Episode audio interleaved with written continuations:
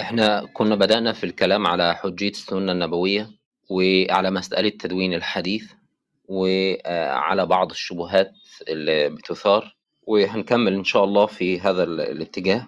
النهاردة إن شاء الله هتكلم على مسألة حجية السنة وعلى منهج التوثيق عند علماء ال- الجرح والتعديل لأن أنا بقول دايما إن منهج التوثيق عند علماء الجرح والتعديل هو طريقة عقلية منطقية مقنعة. فأنت لما بتطعن في منهج التوثيق أو بترد الحديث أنت بتقول أنا بأخالف آه، حكم العقل والمنطق. أنا هخلي منهج التوثيق رقم اتنين على ما العدد رقم يزيد لأن الموضوع آه، شديد الأهمية وأنا شايف إن محدش بيديله حقه مع إن هو ينبغي إن هو يكون رقم واحد في الحوارات الإسلامية النكرانية أو حتى الإسلامية ال- الحادية لأن علم الجرح والتعديل نتائجه ملزمة لأي إنسان موجود على وجه الأرض. ما هوش بس للمسلمين فقط يعني. آه، هنبتدي بموضوع آه، حجية السنة نكمل فيها. كنا قلنا إن الأدلة على حجية السنة سهلة وواضحة. الآيات الكتيرة اللي موجودة في القرآن اللي بت- يأمرهم بالمعروف ينهاهم عن المنكر يحل لهم الطيبات يحرم عليهم الخبائث اتبعوه. ما حرم الله ورسوله أطيعوا أطيعوا الرسول ومن يتبع الرسول. والآية بتاعت يتلو عليهم آياته ويزكيهم ويعلمهم الكتاب هم يتلو الآيات ويعلم الكتاب. طب التلاوة هي القراءة فأين التعليم؟ وكنا قلنا إن الرد بتاعهم إن آه، لو النبي صلى الله عليه وسلم آه، هذه الآيات مطلقة هيبقى شرك لأن معناها إن النبي له أوامر ونواهي ومعناها إن النبي بيشرع والتشريع آه، شرك. ما ينفعش حد يشرع غير ربنا. ورددنا بعض الردود أضيف إليها أن يقال أن يقلب عليهم الدليل. يعني هم سيجعلوا آيات الطاعة ويأمرهم وينهاهم. آه، آه، خلينا الأول آيات التبيان. هو يقول لك إيه؟ وأنزلنا إليك الكتاب تبيانا لكل شيء. فدي مقيدة لآية وأطيعوا الله وأطيعوا الرسول. طالما الكتاب تبيان لكل شيء يبقى طاعة الرسول مقيدة. وبالتالي طاعة الرسول هي بتنفيذ ما جاء في القرآن فقط. فيقلب عليهم الدليل بأن يقال بما أن آيات طاعة الرسول مطلقة إذا آيات التبيان مقيدة. فإن قيل لفظة التبيان لكل شيء لفظة عامة قلنا وكذا لفظة طاعة الرسول لفظة عامة. فما دليل تقييدكم؟ يبقى اقلب عليه أنت ال- الدليل. وردنا على مسألة تبيانا لكل شيء إن هو عام يراد به الخصوص زي على الريح تدمر كل شيء بأمر ربها. وردنا على مسألة آه، فطاعة الرسول طاعة مطلقة آه، وردنا على مسألة الأمور الدنيوية يبقى إن طاعة النبي صلى الله عليه وسلم عام مخصوص إن هي تطيع النبي صلى الله عليه وسلم في كل شيء والأمور الدنيوية لك أن تطيعه فيها ولك أن تخالفه فيها آه، لأنه أذن بذلك. لما قال إذا حدثتكم بأمر من أمور دنياكم فأنتم أعلم بأمور دنياكم. وهتبقى الآيات مطلقة ما فيش عليها مقيد من آيات التبيان لكل شيء. وآيات آه، أم لهم شركاء شرعوا لهم من الدين ما لم يأذن به الله فإحنا ردينا عليها وقلنا إن إحنا لم نقل أن النبي بيشرع وإنما قلنا أن الله يشرع ويصلنا تشريعه بطريقتين. فأنتم سميتم الطريقة الثانية تشريع رسول الله وهذا لم نقله. ثم لو سلمنا فالله يقول يحل لهم الطيبات ويحرم عليهم الخبائث وما التحليل والتحريم إلا التشريع. فإن اعتبرتم نسبتنا لرسول الله التشريع ولم نفعل شرك فنسبة الله لرسوله التحليل والتحريم شرك لأن الشرع ما هو إلا التحليل والتحريم. هل الشرع حاجة غير التحليل والتحريم؟ ورقم اثنين إن كل الآيات اللي بتقول أن التشريع تحليل آه، والتحليل والتحريم شرك كلها مقيدة بإذن الله. أم لهم شركاء شرعوا لهم من الدين ما لم يأذن به الله؟ ونحن نقول أن هذا أذن به الله. فإن قالوا أين أذن الله؟ قل له يعني ما أغرب هذا الله بيقول وأطيعوا الرسول ولم يأذن؟ على كل حال وما أرسلنا من رسول إلا ليطاع بإذن الله. أهو واضح أهو. هيقول لك الكلام ده لو كان بيتكلم في الدين بوحي وده أيضا غ- غريب. الله يأمرنا بطاعته مثلا في كيفية زراعة البطيخ هو بطاعته في الدين. وهل هناك هناك أوضح من قوله يحل لهم الطيبات ويحرم عليهم الخبائث هل التحليل والتحريم آه، هنا يقصد به شيء غير دين الله. هو إيه الألفاظ الأخص بدين الله من ألفاظ يحل لهم ويحرم عليهم؟ ثم الله واضح في القرآن قال آه، إن هو وما ينطق عن الهوى إن هو إلا وحي يوحى. فكل كلامه وحي. هتقول لي حتى الدنيويات قلنا إذا عام مخصوص. يبقى اللفظة عامة ويستثنى منها ما كان دنيويات وتبقى اللفظة على عمومها. فما دليلكم أنتم على تخصيصها بالقرآن. إن هو إلا وحي يوحى. إن هو يقصد بها القرآن واللفظة عامة فلن تجد لهم مدفعا لهذا. هو كل ردودهم ومدافعهم بآيات إن التشريع شرك وكل آيات التشريع مقيدة وعليكم السلام. كلها مقيدة بأن يكون بإذن الله. فإن كان بإذن الله لم يكن شرك كلها. آه، ولا تقولوا لما تصف ألسنتكم الكذب هذا حلال وهذا حرام لتفتروا على الله الكذب. ونحن نقول إن لم يفتري على الله الكذب. كيف يدخل في الآية؟ آه، أم لهم شركاء شرعوا لهم من الدين ما لم يأذن به الله. نقول أرأيت إن كان بإذن الله؟ كيف تنطبق عليه الآية؟ إن الحكم إلا لله أمر ألا تعبدوا إلا إياه. ليس في هذا دليل على أن النبي لا يتكلم في الدين. فنحن نقول أن كلام النبي في الدين هو من حكم الله. قال الله من يطع الرسول فقد أطاع الله. بعدين يقول لك لا. آه، آه، النقطة الثانية الرد على مسألة أن القرآن أوامر القرآن هي آه، أوامر النبي صلى الله عليه وسلم. هذا يعني أن قوله وما ينطق عن الهوى إن هو إلا وحي يوحى يقصد به القرآن. الوحي الذي يوحى اللي هو القرآن. طيب أين هذا المقيد في السياق؟ مش موجود. طيب هل يصح أن ينسب القرآن إلى رسول الله فيقال هذا كلام رسول الله؟ لو قلت إن ده كلام رسول الله فده معارض للآية اللي بتقول فأجره حتى يسمع كلام الله. فالقرآن كلام الله وليس بكلام رسول الله. فإن قلت إنما نسب إليه لكونه مبلغ قلنا وما حجتكم في هذا. فين الدليل على أن من كان مبلغا نسب إليه الكلام؟ عقلا أو شرعا لا دليل على هذا.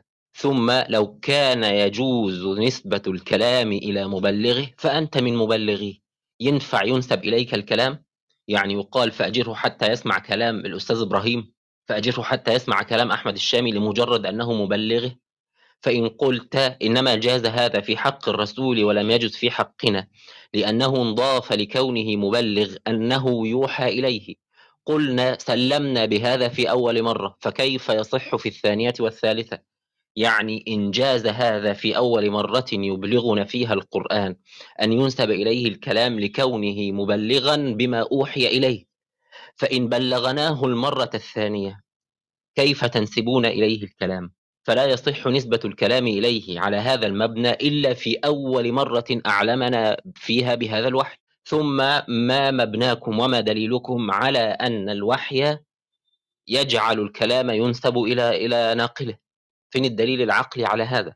وقد قام الدليل في القرآن على أن القرآن كلام الله وإحنا في أرض الواقع لا ينسب الكلام لناقله. يعني وزير الخارجية المصري لما بيتكلم هو ما بيقولش أوامره ونواهيه ما بيقولش رأيه ما بيقولش موقفه. هو بيتكلم عن موقف مصر. فلما بينسب الكلام آه، لما بينسب الموقف لا لا ينسب إلى وزير الخارجية بينسب إلى الدولة. ونفس الكلام في البريد. البريد لما بينقل لك الكلام في المكتوب في الأوراق لا ينسب الكلام إليه. فلما تصل إليك رسالة البريد لا تقول أخبرني البريد بكذا لمجرد أنه ناقل. فالعقل والمنطق ما بيقولش إن لمجرد أنك ناقل ينسب الكلام إليك.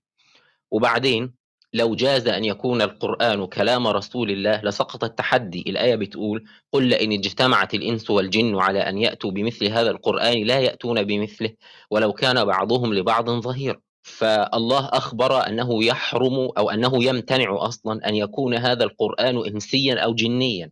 فكيف تنسبه أنت لإنسي بعد ذلك؟ الحاصل أن القرآن أوامر الله ونواهي الله وليست بأوامر النبي صلى الله عليه وسلم ولا نواهي. ثم إن آه، الآية لما جمعت طاعة النبي مع طاعة الله جعل دلت على أنهما غيران. حينما قالت وأطيعوا الله وأطيعوا الرسول. فلو كانت طاعة الله هي تنفيذ القرآن فما بال طاعة الرسول؟ هيبقى تكرار وأطيعوا الله وأطيعوا الرسول يعني نفذوا القرآن ونفذوا القرآن هذا تكرار لا معنى له. فإن قيل إنما قصد بأطيعوا الرسول يعني أطيعوه كولي أمر كالرؤساء العاديين. آه، قلنا هذا يصح لو كان قال وأطيعوا محمدا لكنه قال وأطيعوا الرسول والرسول هذه حيثية فكأنه قال أطيعوا محمدا بحيثيته الرسولية. والحيثية الرسولية دين كما أن مطلقية الطاعة تدل على أن الكلام في الدين وليس الكلام في في ولاية الأمر الدنيوية.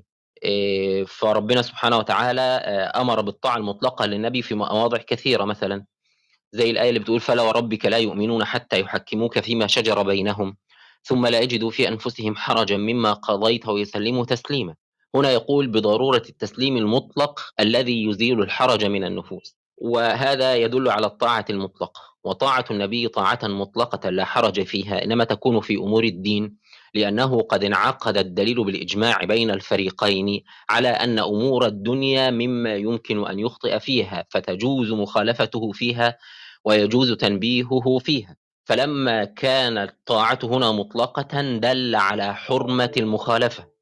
ولما ثبتت حرمة المخالفة دل على أنها طاعة فيما لا يحل أن تخالف فيه ألا وهو الدين. والدليل الثاني الآية اللي بتقول وما كان لمؤمن ولا مؤمنة إذا قضى الله ورسوله أمرا أن تكون لهم الخيارة من أمرهم. يقول ليس لك اختيار آه، في آه، تنفيذ أوامر رسول الله. أنت ملزم إلزاما لا خيار لك فيه. وإن عصيت ومن يعص الله ورسوله فقد ضل ضلالا مبينا. ولو كانت من أمور الدنيا لجاز أن يخالف فيها وجاز أن يستنصح فيها كما قال له الحباب بن المنذر في معركة بدر. قال له هل هذا أمر أمرك الله به؟ أم هو الرأي والحرب والمكيدة؟ قال لا بل هو الرأي والحرب والمكيدة. فقال والله يا رسول الله ما هذا بمنزل؟ ولكن أرى أن ننزل على بئر بدر فنشرب و... و... و... ونلقى القوم نشرب ولا يشربوا وفي معركة الخندق كان في ألوف مؤلفة من القبائل العربية كانت بتحاصر المدينة. فالنبي صلى الله عليه وسلم راسل أحد قادة هذه القبائل اسمه عيينة بن حصن بن بدر الفزاري وده كان كان شخص سيء يعني هجم على المدينة كتير. وأرسله وقال له أن تأخذ ثلث ثمار المدينة وترجع. النبي عاوز يقلل من عدد المحاصرين للمدينة. فوافق عيينة بن حصن. فوصل الخبر لسعد بن معاذ سيد الأوس وسعد بن عبادة سيد الخزرج. فجاءوا للنبي صلى الله عليه وسلم وقالوا يا رسول الله هل هذا أمر أمرك الله به؟ فليس لنا أن نعصيه. أم هو شيء تصنعه لنا؟ فقال بل هو شيء أصنعه, أصنعه لكم. رأيت العرب قد رمتكم عن قوس واحدة. فقال والله يا رسول الله كنا على ما نحن عليه من كفرنا. ولا يطمعون أن يأخذوا منا تمرة إلا بحقها. أولما أعزنا الله بالإسلام أعطينا لهم الدنية. والله لا يكون أبدا. قال أنتم وذا ولم يكفر استعدين. ففي أمور الدنيا يمكن الاستشارة فيها ويمكن الأخذ والرد ويمكن أن يقال والله هذا لا يكون أبدا وهو قد آه، أرشد لذلك. فقال إذا حدثتكم بأمر من أمور دينكم فأنا رسول الله فإذا حدثتكم بأمر دنياكم فأنتم أعلم بشؤون دنياكم. فلما كانت الطاعة هنا مطلقة طاعة لا خيرة لك فيها أن يكون لهم الخيرة وطاعة لو عصيت فيها فقد ضللت ضلالا مبينا دل على أنها في غير الدنيوية. فلا مخرج لهم من ذلك. والآية الأخرى اللي بتقول فكيف إذا جئنا من كل أمة بشهيد وجئنا بك على هؤلاء شهيدا؟ يومئذ يود الذين كفروا وعصوا الرسول لو تسوى بهم الأرض ولا يكتمون الله حديثا. هنا نهي عن مطلق عصيان رسول الله. فلو أمر فلو قال رسول الله لا أحل لكم كل ذي ناب من السباع ومخلب من الطير فعصيته آه، ستسوى بك الأرض يوم القيامة لو شاء الله. فإن قلت إنما قصد بالعصيان نواهي القرآن قلنا قد أجبنا على هذا. وإن قلت إنما قصد في الدنيويات قلنا قد ذكر حيثيته كرسول ولم يقل وعصه محمد. كما أن العصيان وصف ديني. كما أنه استوجب العقوبة الأخروية وكل ما يستوجب العقوبة الأخروية فهو دين. يومئذ يود الذين كفروا وعصوا الرسول لو تسوى بهم الأرض ولا يكتمون الله حديثا. ستسأل, ستسأل عنه يوم القيامة.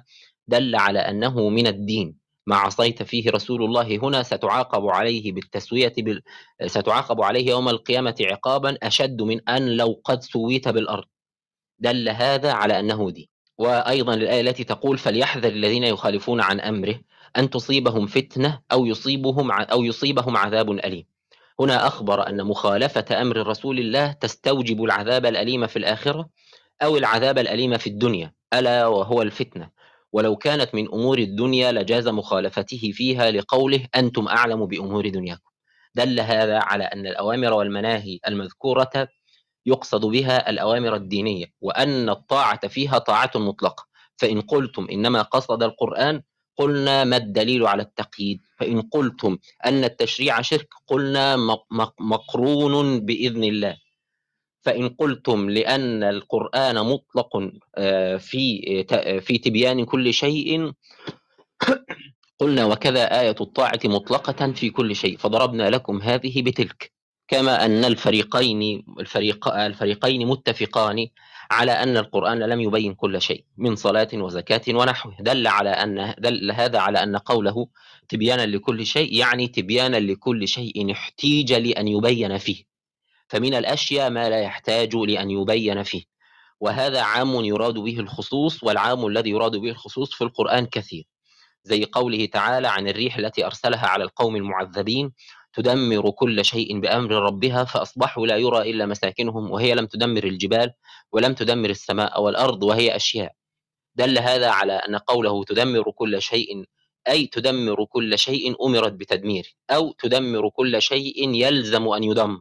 ومثل قوله تعالى قوا أنفسكم وأهليكم نارا وقودها الناس والحجار بالرغم من أن لفظة الناس عامة إلا أنها قصد بها جنس مخصوص ألا وهو الناس الكفار تحديدا بدليل قوله تعالى إن الذين سبقت لهم منا الحسنى أولئك عنها مبعدون وبدليل قوله تعالى الذين قال لهم الناس إن الناس قد جمعوا لكم فاخشوهم. الناس الأولانيين هم وفد عبد القيس وواحد اسمه معبد الخزاعي. بالمناسبة معبد الخزاعي ده في مخطوطة من منتصف القرن الثاني الهجري بتذكر قصة معبد الخزاعي ده اللي هي بردية مغازي معمر بن راشد اللي كنا اتكلمنا عنها المرة اللي فاتت. آه، الشاهد إن النبي صلى الله عليه وسلم بعد ما انتهت معركة آه، أحد وكان انهزم المسلمين وتألموا ألما شديدا أراد النبي صلى النبي صلى الله عليه وسلم صلاة شكر وبالقوم جراحة عظيمة ثم أمر بملاحقة الكفار. عمرك شفت منهزم هو اللي بيلاحق المنتصر؟ وقال لا يتبعني إلا من شهد المعركة لأن في بعض الناس من المسلمين لما عرفوا إن المسلمين انهزموا في المعركة خرجوا من المدينة وجاءوا. فالنبي قال اللي خرج من المدينة جديد ما يجيش معانا. إحنا بس اللي شاركنا في المعركة إحنا اللي لازم نروح. ثم لاحق قريش إلى منطقة تسمى حمراء الأسد ووصل الخبر لقريش وقريش راجعين. فهم أبو سفيان أن يرجع فقال لهم أمية بن الصلت إن القوم قد وتروكم وإني أخشى أن يلحق يلحق بهم من لم يكن في في الحرب في المعركة. يعني أنا خايف إن يكون العدد بتاعهم هيزيد وهم دلوقتي يعني ملآنين غيظا. فأخشى أن يكون لهم قتال غير الذي كان. فأرى أن نرجع ولنا الدولة. إن إحنا يتقال إن إحنا اللي انتصرنا ما ترجعوش تاني. ففعلا خاف أبو سفيان ولكن عدى عليه اثنين ثلاث أشخاص من بني عبد القيس. فقال لهم أين تريدون؟ قالوا نريد المدينة. فقال هل لكم آه، هل تبلغ محمدا رسالة على أن أملأ لكم أبعركم هذه تمرا وزبيبا؟ إن وافيتمون الموسم بمكة. قالوا نعم. قال أخبروه أن عائدون إليه مزمعون على أن نستأصل آه، شأفته. وهم مش راجعين له ولا حاجة. هم عايزين يخوفوه بس. فقالوا نفعل. فأخبروا النبي صلى الله عليه وسلم فقال حسبنا الله ونعم الوكيل. وانتظر ثلاثة أيام مستنيهم. الذين قال لهم الناس إن الناس قد جمعوا لكم فاخشوهم فزادهم إيمانا وقالوا حسبنا الله ونعم الوكيل فانقلبوا بنعمة من الله وفضل لم يمسسهم سوء واتبعوا رضوان الله. وبرضه بعت واحد اسمه مخشي بن عمرو الضمري والنبي صلى الله عليه وسلم أقام بحمراء الأسد منتظرهم ثلاثة أيام. الشاهد من هذا الكلام إن الآية بتقول الذين قال لهم الناس هنا الناس دول ثلاثة اللي هم وفد عبد القيس ومخشي بن عمرو. إن الناس قد جمعوا لكم فاخشوهم الناس التانيين اللي هم قريش وقريش كانوا ثلاثة آلاف. فهذا عام يراد به الخصوص. وإحنا في استعمالنا اليومي نفسنا بنقول ممكن أستأذن الناس مستنيني الناس مستنيني حد فهم منها إن كل خلق الله مستنيني؟ ابدا. لم يزل العرب قديما وحديثا يستعملون العام الذي يراد به الخصوص دون معترض. والأمثلة على العام الذي يراد فيه آه، به الخصوص كثيرة جدا في القرآن الكريم. فالعبرة هنا يا جماعة بعمومية الألفاظ لن تجد لهم رد على عمومية الألفاظ. فتكلم في أدلة حجية السنة بقلب قوي. هم ما عندهمش رد على آيات الأمر والنهي إلا بهذه الردود الثلاث إن ده شرك وإنه تبيانا لكل شيء وإن هي طاعة في الدنيويات ما عندهمش غير كده لكن الآيات واضحة أطيعوا الرسول مطلقة وبصفته الرسولية يعني بصفته الدينية. هنكمل الآيات اللي هي بتدل على حجية آه، عمل آه، حجية السنة ويسألونك عن المحيض قل هو أذى فاعتزلوا النساء في المحيض ولا تقربوهن حتى يطهرن فإذا تطهرن فأتوهن من حيث أمركم الله إن الله يحب التوابين ويحب المتطهرين هنا في هذه الآية حل لنا أن نأتي النساء من الموضع الذي أمرنا الله به أين هو في القرآن؟ ما هو الموضع الذي أمرنا الله أن نأتي نساءنا منه؟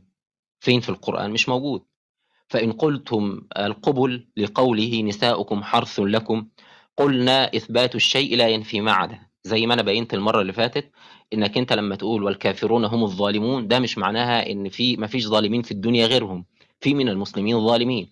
لما تقول عن الفقراء المهاجرين الذين أخرجوا من ديارهم وأموالهم يبتغون فضلا من الله ورضوانا وينصرون الله ورسوله أولئك هم الصادقون ده مش معناه إن ما فيش صادقين في الزمان غيرهم. فلما ألحق وصف الصدق بطائفة المهاجرين لم يستلزم حصره فيه حصره فيهم ولما ألحق وصف الظلم بطائفة الكفار لم يستلزم حصره فيهم. كذا لما وصف النساء بأنهم حرث لا يستلزم حصرهم حصرهم فيه إن هم مجرد حرث. إثبات الشيء لا ينفي معنى. فلما لم يجدوا محيصا آه، قال سفيههم إن النساء معناها التأجيل. اللي هو عارفين أنتوا الآية اللي بتقول ما ننسخ من آية أو ننسها ننسها يعني في قراءة بتقول ننسأها. ننسأها يعني نؤخرها نؤخرها عن مكانها. فقال سفيههم ذلك. فكان ردي أنا إن هذا المعنى آه، لغويا صحيح موجود في المعاجم. لكن أين في استعمال العرب؟ أنهم يقولون النساء ويقصدون التأجيل. هذا المعنى صحيح من ناحية النحت اللغوي. هل في صوت يا جماعة؟ من ناحية النحت اللغوي. يعني أنت تستطيع أنك أنت تنحت هذا المعنى يعني تبتكر وتخترع هذا المعنى وهو صحيح صحيح. لكن أين الدليل؟ الله يحفظه. أين الدليل؟ على أنهم في القرن السابع الميلادي كانوا يستعملون لفظة النساء بمعنى التأجيل. يعني مثلا كلمة ثقافة. كلمة ثقافة دي لفظة مخترعة يعني لفظة منحوتة وهي لفظة صحيحة بيقصد بها العلم والكلام ده. لكن هل عند العرب كانوا يستعملون الثقافة بمعنى العلم والتعلم؟ لا كلمة العولمة كلمة مخترعة كلمة منحوتة وهي كلمة صحيحة.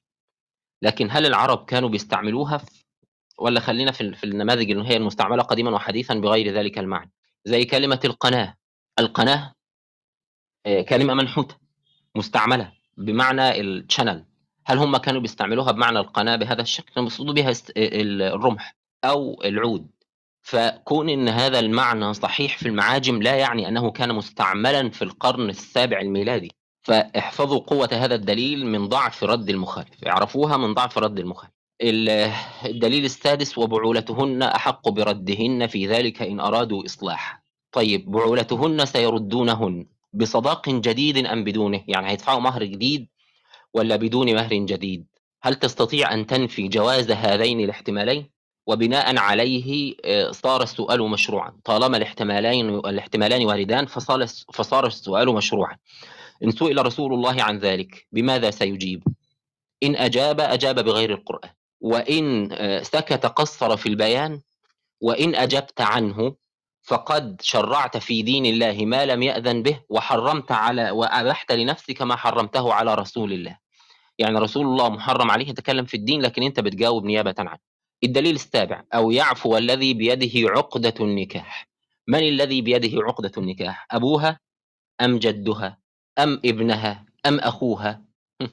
مين هو؟ أم كلهم جميعا يجوز. أو ولي الأمر. هذه الاحتمالات واردة ولا مستحيلة؟ طالما واردة يبقى السؤال مشروع ما فيهوش تكلف. فإن أجاب رسول الله على ذلك أجاب بغير القرآن لو سئل هذا السؤال. وإن سكت قصر في البيان. وإن سئلت أنت فأجبت فقد أجزت لنفسك ما حرمته على رسول الله وصرت آه، شريكا لله إذ آه، شرعت لنا من الدين ما لم يأذن به الله. الدليل الثامن حافظوا على الصلوات والصلاة الوسطى وقوموا لله قانتين. الصلاة الوسطى يعني من ناحية العدد ولا من ناحية الفضل؟ زي ما أنتم فاكرين المرة اللي فاتت قلنا إن كلمة آه، آه، سطة أو أوسط في عند العرب معناها بتأتي بمعنى أفضل أو جيد. الامبراطور البيزنطي أغسطس هرقليوس فوكس اللي حصلت الفتوحات الإسلامية في زمنه. كان البخاري بيقول وكان ابن ابن الناطور قال ابن الناطور وكان هرقل حزاء ينظر في النجوم. فقال رأيت أن ملك الختان سيظهر. شاف رؤية والرؤية دي كنا قلنا إن هي مذكورة في كل كتب التاريخ اللاتيني كلها. كلها مجمعين على إن هرقل كان بينظر في النجوم. يعني من أكثر الحاجات اللي مجمعين عليها في كتب التاريخ الغير إسلامية بخصوص هذه الأمور موضوع رؤيا هرقل وموضوع سلام عليك يا سوريا سلام مودع وموضوع معركة الجابثة أو اللي إحنا بنسميها إحنا معركة اليرموك أو الجابية. فهرقل في الفترة دي كان مشغول. فوصلوا خبر إن العرب بتختتن بطريقة معينة عرف إن العرب بتختتن فطلب ان هو يسأل مجموعة من العرب بعض الأسئلة لما وصل لهم خبر إن في نبي موجود في هذه المنطقة. وهو ده الطبيعي يعني لما تبقى أنت إمبراطور مالك إمبراطورية كبيرة جدا وأنت مؤمن بالتنجيم فأنت بالنسبة لك التنجيم ده أخبار صادقة فالطبيعي إن أنت هتهتم بالأمر مش هتاخده على إنه طرف فكري يعني وهو فعلا اهتم بالأمر. المهم لما أرسل إلى أبو سفيان كان تاجر في غزة يومها آه، سأله قال له يعني آه، هذا الرجل آه، قال يعني قريش كانت موجودة في غزة ساعتها مجموعة من القرشيين كان فيهم أبو سفيان. فلما أدخلونا عليه قال أيكم أقرب منه نسبا؟ فقلت أنا أنا ابن عمه. فقال اقعد. وقال لأصحابي اقعدوا خلفه إن كذب علي فأخبروني. بيقول أبو سفيان وقد علمت أن لو قد كذبت ما ردوا علي ولكني كنت امرئا شريفا آه، نسيبا آه، سيدا أتعفف عن الكذب. وقلت أدنى ما يكون من ذلك أن ياثروا عني كذبا أو ينقلوه عني بمكة فأجمعت أن أصدقه. فكان من ضمن الأسئلة اللي هرقل سألوا عنها قال له كيف نسبه فيكم؟ يعني من ناحية المكانة الاجتماعية هو عامل إزاي؟ فقال له هو فينا سطه في النسب.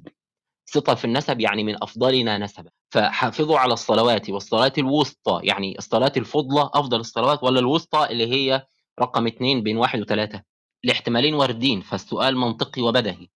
فإن أجاب رسول الله لو واحد سأل النبي هذا السؤال إن أجاب أجاب بغير القرآن وإن سكت قصر في البيان وإن أجبت عنه فقد أبحت لنفسك ما حرمته عليه وشرعت من الدين ما لم يأذن به الله. الحجة التاسعة لو سأل رجل رسول الله صلى الله عليه وسلم عن معاملة مالية أهي ربا أم لا؟ يعني واحد قال له يا رسول الله أنا آه، استبدلت صوليدي آه، بيزنطي ذهبي بعشرين مثلا آه، درهم فضي مباشرة يدا بيد. ده ربا ولا مش ربا؟ طيب لو أجلتها لمدة أسبوعين أنتوا عارفين العملات بتزيد وبتقل يعني سعرها بيزيد وبيقل يبقى ربا ولا مش ربا؟ لو النبي قال له إن النسيئة ربا واليد بيد ليست بربا أو أي إجابة أخرى قال له الاثنين مباحين إن أجاب أجاب بما ليس في القرآن وإن سكت قصر في البيان. وإن أجبت عنه فقد اتهمته بالتقصير وحرمت عليه ما أحللته لنفسك وشرعت من الدين ما لم يأذن به الله. فإن قيل إنما يجوز هذا لأن له أصل في القرآن يعني ينفع الإجابة على المسائل الربوية لأن للربا أصل في القرآن قلنا أجزت السنة التي أصلها في القرآن. فإن أجزت السنة التي أصلها في القرآن لم يبقى إلا مسألة وجوبها فهل يجب أم تجوز فقط؟ إن قلت تجوز فقط قلنا وكلامك أنت ملزم لنا وحجة وواجب علينا سماعه أم ليس بواجب؟ إن قلت كلامي يجب أن تسمعوه لأنه هو الحق قلنا وكذا كلام رسول الله يجب أن نسمعه لأنه هو الحق. فصارت السنة المفصلة لما ورد في القرآن واجبة. بدلالة وجوب قولك وأنت أدنى. يعني أنت الآن بتكلمنا في الدين. هل كلامك اللي في الدين ده حجة علينا؟ إن قلت ليس بحجة علينا فقد أحللت لنا رفضه دل على أنه باطل أو لا فائدة منه. إذ أن الذي هو حجة هو ذلك الملزم فقط. فلا يخلو إما أن يكون كلامك أنت معنا في دين الله حجة علينا أو ليس بحجة. إن لم يكن حجة فاصمت. فأنت على مذهب وعلى دين ألزمك بأن تعتبر كلام نفسك ليس بحجة في دين الله. فيبقى أنتوا آه، فرقة آه، من كلامهم ليس بحجة فليسكتوا وإن قلت كلامي في دين الله حجة وبالتالي ملزم. قلنا كلامك حجة في دين الله وكلام رسول الله ليس بحجة بحجة في دين الله فلم يبق لك إلا أن تقول إن كلام رسول الله في دين الله المفصل للقرآن هو حجة وملزم. أو قل كلامه ليس بملزم لنا يبقى وجوده زي قلته أو إن بلغنا فحسن وإن لم يبلغنا فلا ضير. وقتها نقول وأنت كلامك الذي تقوله الآن. إن بلغنا فحسن وإن لم يبلغنا فلا ضرر. إن قلت نعم فقد وصفت كلامك بأنه ليس بحجة لأن هذه ليست صفة الحجة. الحجة هي التي لو بلغتك نجوت وإن لم تبلغها هل... تبلغك هلكت. فالجواب على مسألة أن كلام النبي حسن لكنه ليس بواجب هو القياس على كلامهم. فإن التزموا بأن كلامهم ليس بواجب سماعه وليس بحجة سماعه فليسكتوا ثم لماذا خصصتم كلام النبي في دين الله بما ورد أصله في القرآن فقط؟ هذا لا دليل عليه. فإن قلتم بآيات الشرك قلنا هنا النبي شرع من الدين ما لم يأذن به الله. فإن قلت بل أصله موجود قلنا هذه الزيادة ليست بموجودة. فقد شرعت زيادة على ما في دين الله باعتبار هذا الفرع الزائد. مسألة الأصل والفرع دي من ناحية العقل والمنطق إيه مبناها؟ هو لا يخلو. هنا بقى في نقطة مهمة اللي هو مسألة غريبة. يقول لك إن هذا تفصيل ليس زائدا عن القرآن. فيرد على هذا بأن يقال أنا أريد مثالا لتفصيل ليس بزيادة. يعني هنا في مسألة الربا هذا تفصيل زائد. عبارة أن ربا النسيئة حرام واليد بيد ليست بحرام في المال دي مش موجودة في القرآن فهذه زيادة على ما في القرآن. فلا يوجد تفصيل ليس بزائد عن الإجمال ولا يوجد شرح ليس بزائد عن الاختصار الذي شرحه. ثم يقاس عليه كل زائد في دين الله عن القرآن قياسا على هذه الزيادات. ثم نحن قادرون على أن نرجع كل شيء أو على الأقل 99% من الأشياء إلى أصل في القرآن. هي إيه السنة يا جماعة؟ غير أشياء تتكلم في الأركان الخمسة أركان الإسلام الخمسة وأركان الإيمان الستة. وتتكلم فيما يحفظ الدين والمال والعرض والعقل والنسل. هي السنة بتتكلم عن حاجة خارج هذا وكل هذا له أصل في القرآن. فعلى أقل تقدير 99% من السنة ثبتت بهذا. على سبيل المثال إن الله مثلا إن النبي صلى الله عليه وسلم قال لا أحل لكم كل ذي ناب من السباع ومخلب من الطيب ألم يتكلم القرآن على حرمة الأطعمة؟ إيه الأطعمة المحرمة والأطعمة الحلال؟ خلاص لها أصل في القرآن. هتجد إن على أقل تقدير 99% من الأحاديث بتتكلم في موضوعات لها أصل في القرآن. حتى ولو كان الأصل العام. ودليلهم الرابع بالمناسبة يا جماعة في رد مطلقية الآيات الآمرة بالطاعة. إحنا ذكرنا ثلاثة أدلة ثلاثة ردود. ردهم الرابع هو أن هناك آيات في القرآن الكريم تحدد المحرمات. فقال قل لا أجد فيما أوحي إلي محرما على طاعم يطعمه إلا أن يكون ميتة أو دما مسفوحا أو لحم خنزير فإنه رجس أو فسقا أهل لغير الله به. فقالوا بما أن هذه فقط هي المحرمات إذا لا يجب أن نجد في السنة محرمات أخرى زائدة عليه. وردنا كان سهل في هذه المسألة. قل لا أجد فيما أوحي إلي محرما على طاعم يطعمه يعني من الإبل والبقر والغنم والمعز والضأن التي كان قد ذكرها قبلها مباشرة. ومن الإبل اثنين ومن المعز اثنين. قل الذكرين حرم أم الأنثيين؟ أما اشتملت عليه أرحام الأنثيين. نبئوني بعلم إن كنتم صادقين. إلى باقي السياق. بعدما ذكر المحرمات وبعدما ذكر أن قريش والعرب كانوا بيحرموا من الإبل والغنم بيحرموا ما في بطون هذه الأنعام محرمة خالصة لذكورنا ومحرمة على أزواجنا وإياكم ميتة فهم فيه شركاء.